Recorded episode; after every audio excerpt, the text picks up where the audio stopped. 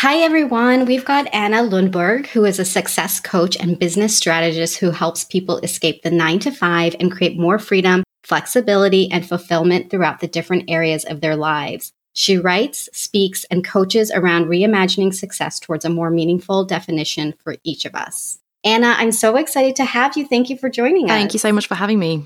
Well, this is actually the first time we're meeting. I'm going to go ahead and put that out mm-hmm. there. and so I would love to get to know you. Tell us your story. Sure, where to start? to be honest, I, I, tend to go back all the way to when I was four, and I've told this story so many times, although it's been a while now, so I'm, I'm going to throw it out there. My mum told me about when I was at play school. I think I was three or four years old. I grew up in England, as you can tell.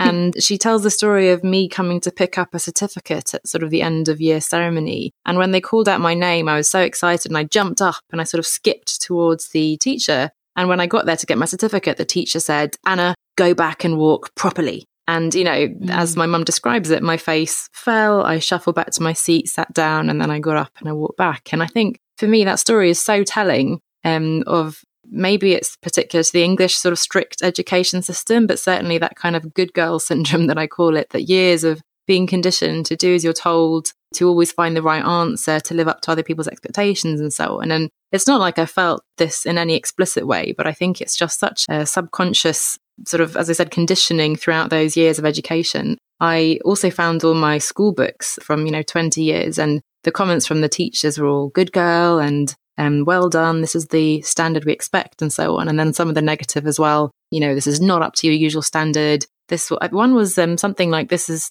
too not too creative, but it was something along those lines. You know, this is too crazy or something too, you know. Mm. And it's it was all about staying within the lines, getting the right answer, you know, and not sticking your neck out, not taking risks, not making mistakes, and all those things that now we've realized are so important, whether you're an entrepreneur or just a human being. You know, failing, learning, being authentic, vulnerable, these things just weren't really talked about in those days, I suppose. So that's sort of been my journey, I guess, in terms of both me as an individual, as a woman, as a professional in a way too. So to bring it to work, I guess I did well at school and I um, went to Oxford University. I went and did a master's degree in Switzerland. And then I went straight into a big multinational corporation working in marketing. But I'd studied something completely different. I'd studied international relations and politics, and I'd really wanted to work at the UN. And although I did do some work at the UN and NGOs, as I said, I ended up going into the private sector. So, you know, it took me some years to come to terms with that. And I keep having to say I had the most amazing time at that company. You know, I've got lifelong friends. I learned so many things, opened so many doors to other things. And I had, you know, such a lovely time in, in Geneva. But fundamentally, it wasn't really what I wanted to do. So then, yeah, 2013, I decided to quit my job. Um, just to summarize, obviously, lots of angst and process and so on, a very simple step. But I quit then. And since then, I've kind of been finding my way back to, as I say, that little skipping girl who, um, you know, was mm. happy on the inside and out and herself and, you know, didn't worry so much about staying within the lines and getting the right answer and just exploring what that looks like to me. Yeah, you know, I'm so curious about the skipping girl that that is such a touching moment. I mean, I can imagine how disheartened you must have felt and I'm so curious to know when you walked back up the second time, what was your body like when you walked up and how did you feel?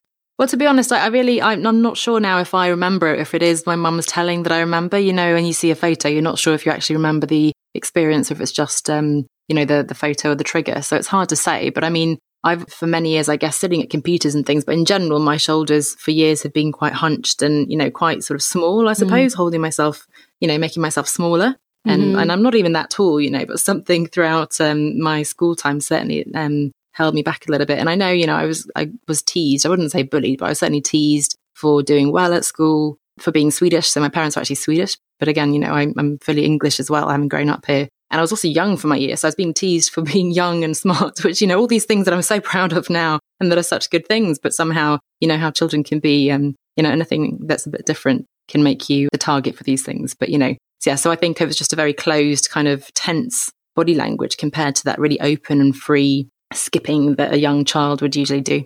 Mm-hmm. Yeah. And, you know, body language says so much. And how is it now? I mean, have you noticed a change in your body language since you've made this shift from being the good girl, you know, and having that life you talked about and where you're at today? Yeah, definitely. So early on in the process, I actually, before I quit, I worked with somebody who um, did the Alexander techniques. I don't know if you've come across that before, but it was, Mm-mm. and she was amazing. She she was much more than just an Alexander technique practitioner, but it was all about unlearning in a way. So interestingly, it kind of on a physical level represented what I've been doing emotionally since then, but it was about finding my way back to my natural posture. So that was a start in a way working with her. And then over the years, yeah, definitely I've been away from my computer more. Again, early on when I quit my job, especially, I did so many adventures and things. I've got a photo um, up behind me here that I just had printed out of me paddleboarding down the Mississippi. And um, as my adventure mm. friend who organised the trip said, I've got really good paddleboarding posture. So I think I'm just taller, um, stronger, and more confident in, in who I am and you know what I stand for and so on. And and obviously through work in particular now, having had several years of having my message resonating with other people and people reaching out to me and so on, that really reinforces that. So I feel so much more natural and, and comfortable with who I am and and with being okay with not knowing that as well in a way. Mm. And tell us about your message.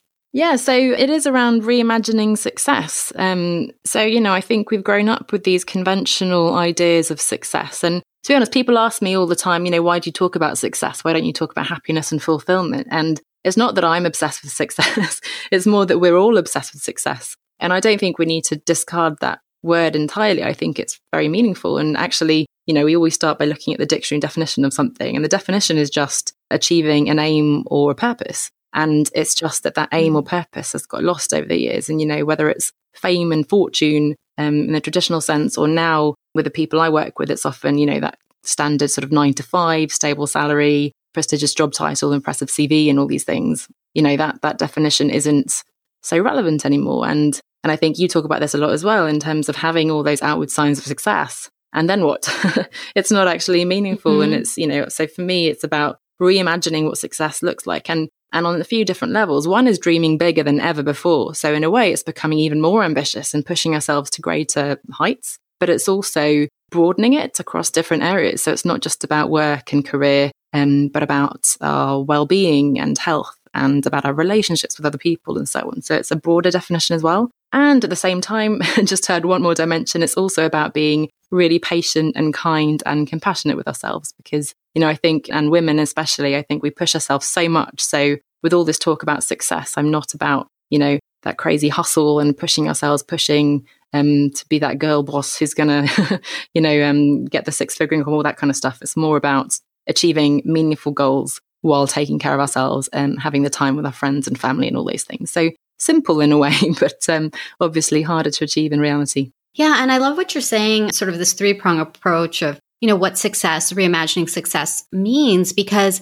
we do definitely get told as girls and then as adult women, you know, what success can look like externally. And I'm so with you about reimagining that and knowing that it's not necessarily what we're told. And if we keep seeking that, there is a, a sense of us that doesn't feel as fulfilled, even though that's not what you're talking about when you really do reimagine success and you dream big and, you know, you look at it from different angles, there is an opportunity for you to really be fulfilled and to be happy. And it's ironic that it can come from just a shift in perspective.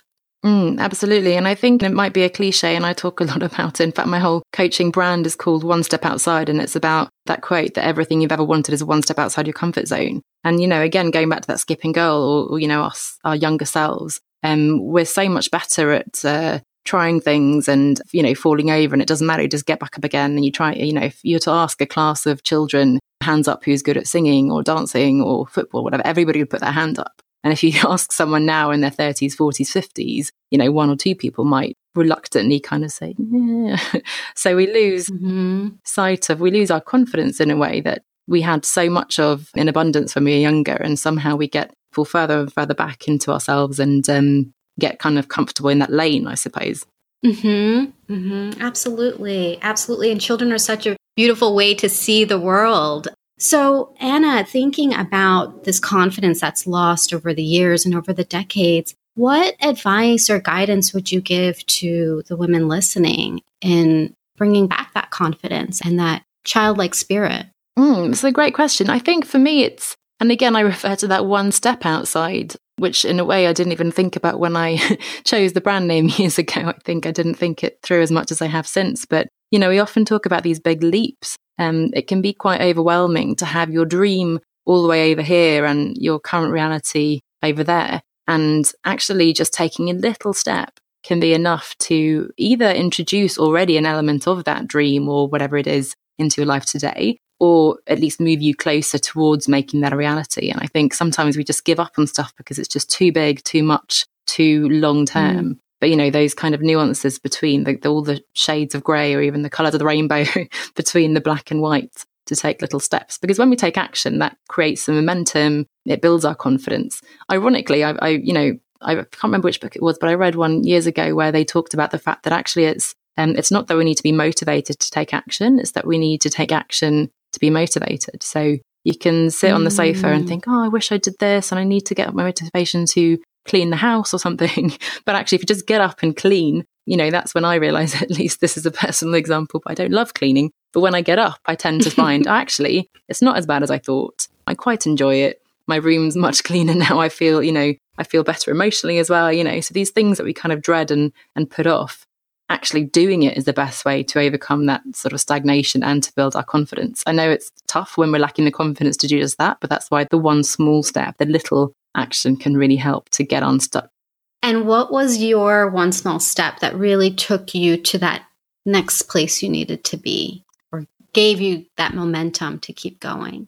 Mm, I think it's continuous steps. So um, in a way, my first one step, I suppose, was taking a sabbatical. So I didn't quit right away. I asked to take uh, three months off to travel across South America, which was a pretty big step as well, but it was not completely quitting. It was just sort of taking a break. And then the next step was while I was away, calling to quit. And then the next step was to um, actually choose not to go to all those job interviews that I was being sucked into, but to set up my own business. And then the next step was to qualify to be a mm. coach. And then the next, you know, it's just so many steps. And I think, unfortunately, it's not about, and I thought it was just making that one big decision and then ta da, I've reimagined success. I've got my new life and everything's fabulous. It's about the small steps every day. So, in a way, it keeps things interesting, but it also does mean that it's never going to be over this journey. It continues um, forever and ever. So, um, that's just one word of warning, I suppose. But certainly for me, as I said, it continues every day. There's a new challenge, there's a new step outside of my comfort zone. Sure. And I like how the first step you took was not to quit your job. I think sometimes,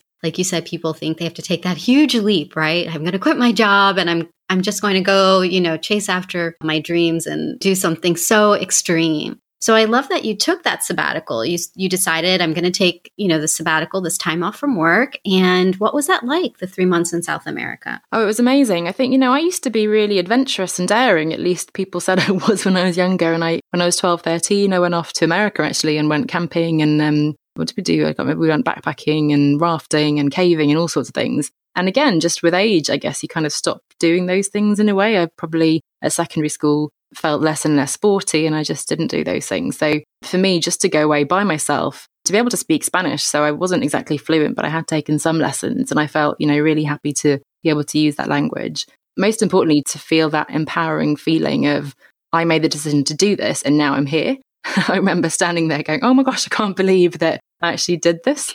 and of course, there were ups and downs and I felt lonely and there were some hairy moments during the trip. But um, overall, just the perspective that you get from being away from your little bubble. In particular, Geneva is such a bubble. It's so lovely. It's, you know, beautiful. You can imagine the lake and the Alps um, in Switzerland and so many fantastic friends and just a, great quality of life and really comfortable. But that's also, in a way, what kept me there. It's just so comfortable. And, you know, I just needed to get out of that. So to meet people who are unemployed, actually, or who'd quit their jobs to travel indefinitely, who are on completely different paths to me, that just really helped me to open my mind to all these other paths because back at home, everybody around me was like me. They had all followed that kind of good girl, good boy path, um, same kind of education, mm. focused on promotions and, you know, fancy handbags and all this stuff that was uh, popular and certainly in the industry I was working at the time as well. So for me, it was just getting out of that, I think. And that's why also I um, made the decision to quit before I came back because I knew that if I came back, I would get very comfortable again and I probably wouldn't make that decision once I got there.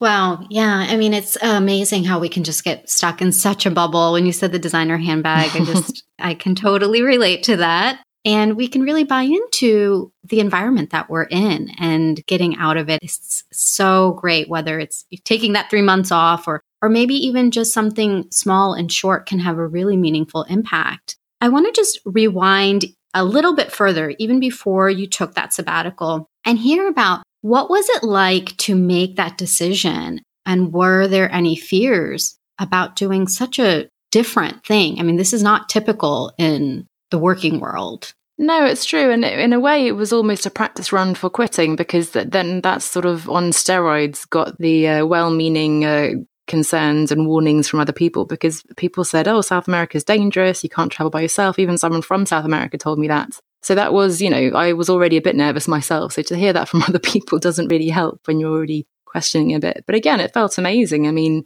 people said, wow, I can't believe you're doing this. And um, I wish I could do it and so on. I think you can.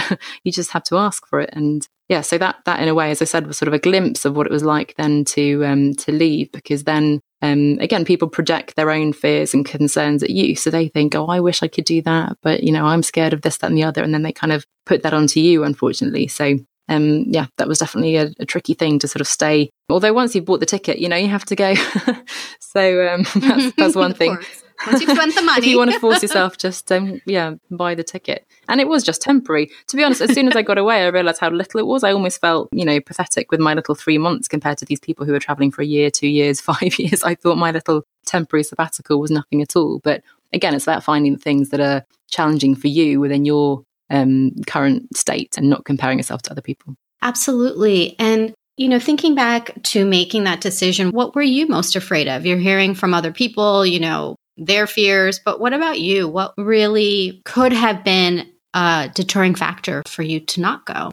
Well, yeah, for the travels, I mean, I, I, wasn't, hmm, I wouldn't say I was that worried. I guess it was just, you know, can I do this? I hadn't traveled alone. Um, I'd traveled, I think, you know, the longest I'd been away was a couple of weeks, but it was always on a group program or something, you know, where it's organized. It wasn't by myself. So, you know, can I do this? Um, is my Spanish good enough? Um, is it dangerous? Because I, I mean, at the time, because I had the job in particular, I did, I was quite luxurious in my spendings. You know, certainly at the beginning, I was staying in private rooms, which were relatively cheap in the countries I was staying in. Um, I went to the Galapagos, I did the um, Uyuni and um, Machu Picchu Trail and all these quite expensive, sort of, again, organized trips, I guess. So they helped me to anchor myself a little bit. And then I'd always sit at the hostel and plan the next few days. I wasn't completely um, bohemian and hippie as some people are when they get away. But for me, you know, it was a big step to take. And the thing is, there were a couple of hairy moments. I have to admit that every time I went to a new city by myself, I thought, oh my gosh, I'm going to die. I don't want to exaggerate it, but you know, when I arrived, I think it was La Paz in Bolivia.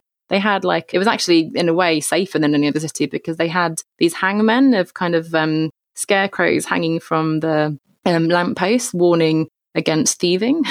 but it was just so ominous. And, you know, it's just an unfamiliar environment. You don't know the language, you don't know how safe things are. I did have my mobile stolen at one point. I was with another girl from Chile when um, we had a gun pulled at us. it wasn't like, it wasn't the safest thing either. So there were, you know, some real concerns there. But again, 100% no regrets. And, um, you know, you can manage all that risk, I guess, is the learning from this. And it's just such a memorable, amazing, life changing experience as well. Oh, absolutely. It sounds like it. And I'm I'm glad you got through those hairy moments. Travel is interesting and like you said, it's well worth it. So, I would love to hear about your aha moment. When did you just know that something had to change?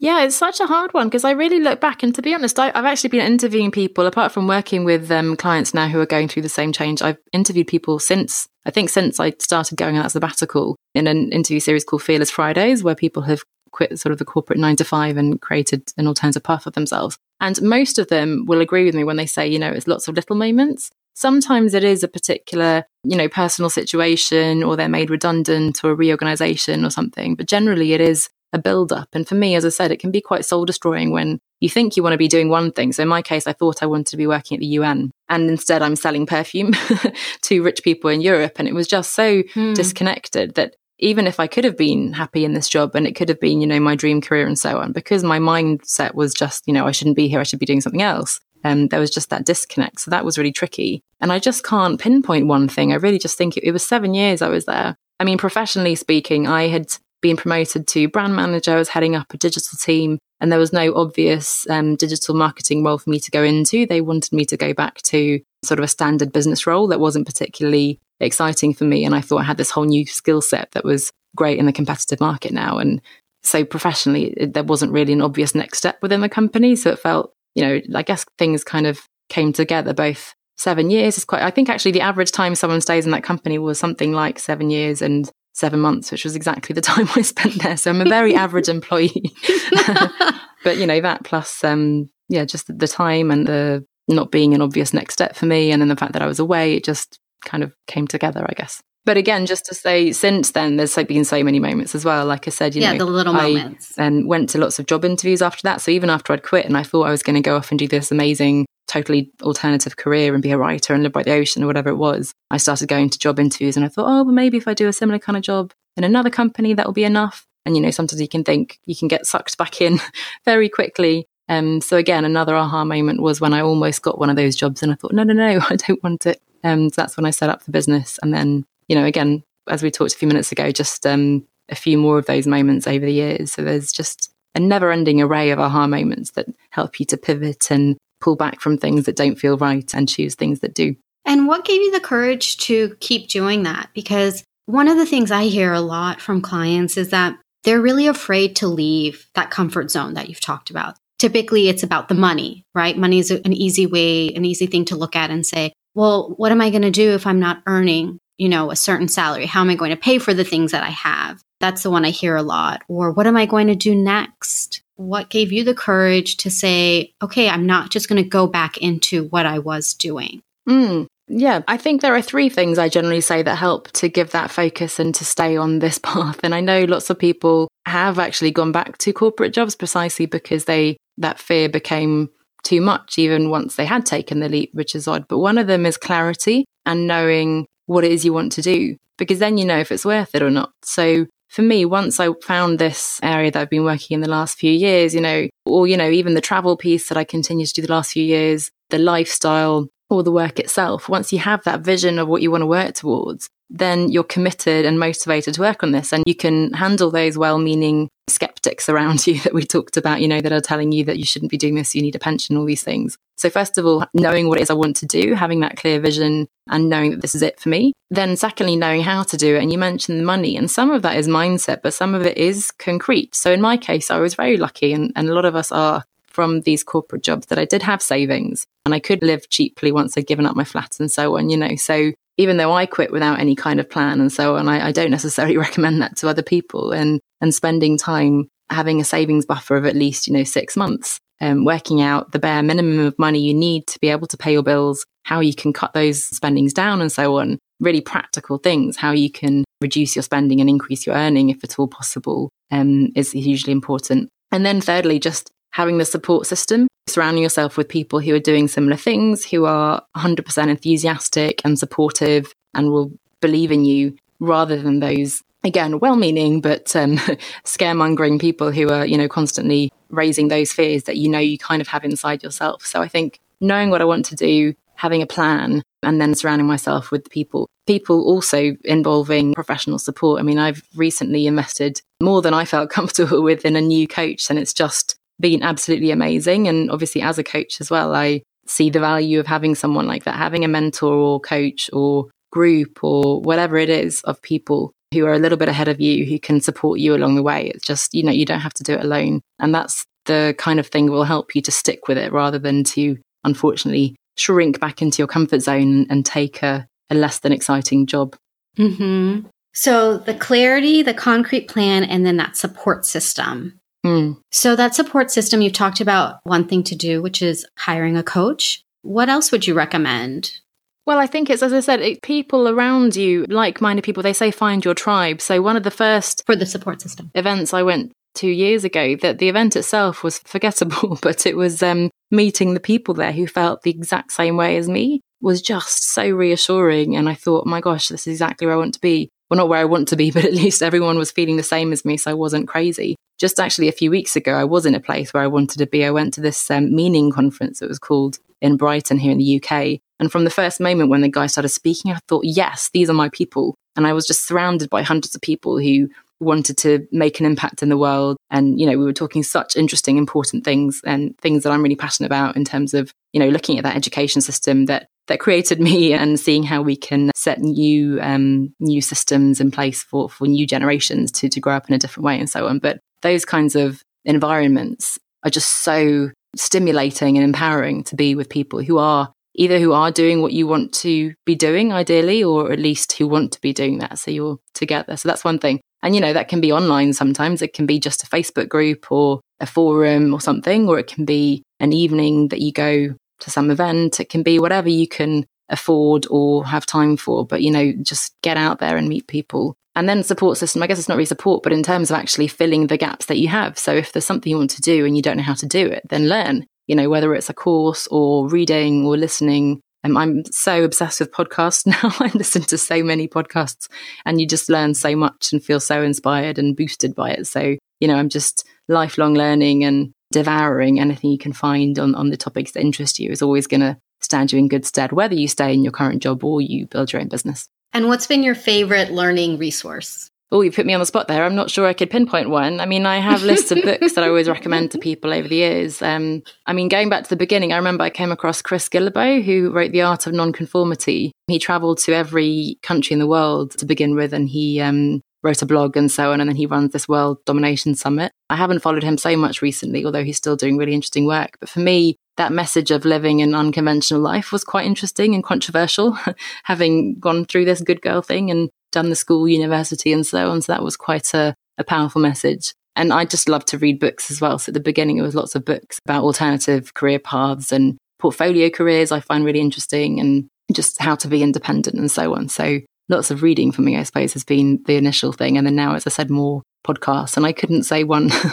I listen to so many, but they're um, yeah, so many interesting things out there. You can almost drown in too much information. So I guess the only warning would be don't go out there and listen to everything. You know, choose a couple of trusted sources who you really think, you know, they've got something that you can learn from and and that you trust them and, and the message resonates and focus on that for now. Absolutely. And Anna, you sound like somebody I would really go to as a trusted source. When you spoke about finding a good coach and finding the right resources and that right support system, I couldn't agree more. It's so important to mm. really invest in yourself and find the people around you who are going to cheer you on, who are going to have that similar mindset as you and, and want to really get you to that next level. So, Anna, how can people reach out to get to know you more or contact you to talk further? Yeah, so the um, thank you for that. That's very nice of you to say. It's um, been really lovely talking to you. The name of the coaching program, as I said, is One Step Outside. So I'm on onestepoutside.com. The Facebook group, the Facebook page are all called One Step Outside onestepoutside.com. Yes. Okay. And I believe that you have a freebie for our listeners today, too. We'll make sure to post a link to that. But if you wanted to give the hyperlink to that as well. Yeah, and I can mention a little bit about that. So um, it's called a success audit. So um, it sounds a bit boring. I realize it's sort of some kind of accounting thing, but it really goes back to what we talked about at the beginning in terms of reimagining success. And I've come up with this model, which is I call the five L's, and I love alliteration. So it's um, live, love, learn, lead, laugh. And it's just to help us to broaden, as I said, our definition of what we're looking at when we're trying to achieve our goals. And lots of people come to me, um, and I'm sure come to other coaches and, you know, come to this whole area of personal development because they want to change something in their job. But really, there's usually so much other stuff going on. I mean, certainly from my own experiences, I was single. It wasn't a problem at the time. It wasn't a problem at all. But um, obviously, I realized through the coaching work I did over the initial first few years that actually I would like to meet someone. And if that's the case, you know, that's something that you need to dedicate some time to. Or in my case, I suffer with migraines. So again, that's been something I've really had to give a lot of attention to in terms of initially medicine and doctors and things, but that didn't really work. So then I went a bit alternative and, you know, just doing everything I can to manage my um, health and well-being. So it's, as I said, broadening into those five different areas. So the um, success audit is sort of a quiz hopefully a little bit of fun. It's not a mathematical analysis of your life, so please don't take it too seriously, but hopefully it's a useful guide to get people thinking about maybe some possible gaps and, and areas they've neglected. So that's at one step onestepoutside.com forward slash success audit. Okay. And so this basically is focusing on the five areas of live, love, learn, lead, laugh. So it's, lead, yeah, laugh. I can go through okay. it's live as wellness and well-being, um, love, relationships and romance, learn, development and growth, um, lead, career and impact, and then laugh, fun and spontaneity, which is an important one that we often forget. But there's a, a big piece on actually enjoying our lives and not just always um, hustling and focusing on these goals and so on. Oh, I'm sure we could have a conversation just on that. I mean, that's that's so important right there. So we will post a link to that. And can you tell us that one more time, Anna, the link to get that audit? Sure. So it's one step outside.com forward slash success audit. Great. Well, thank you so much. It's been so wonderful to connect with you today. And, and really, I was inspired, especially by the moment that you shared skipping as that four year old girl running to the, you know, skipping to the front of the room and having to actually go back and come back, quote unquote, the proper way. I'm so glad that you've gone back, it sounds like, to the girl who would have skipped to the front of the room. And yes, I'm skipping all the time now. that is awesome. That's awesome. And I hope that everybody listening can also skip in their life as well. So thank you, Anna. Any parting words before we sign off? No, thank you so much. I, I, wish the same. And the only thing I'd say is absolutely encourage people to, you know, take that little step. I know it's difficult, but, you know, all those cliches are true. Life is short and this is your life and you get to choose what success looks like for you. So, you know, spend the time really exploring and talking to people and immersing yourself and getting away from your usual environment. Take that one little step and see where it might lead you. Mm, that's very juicy. Thank you so much, Anna. Thank you so much for having me. Take care.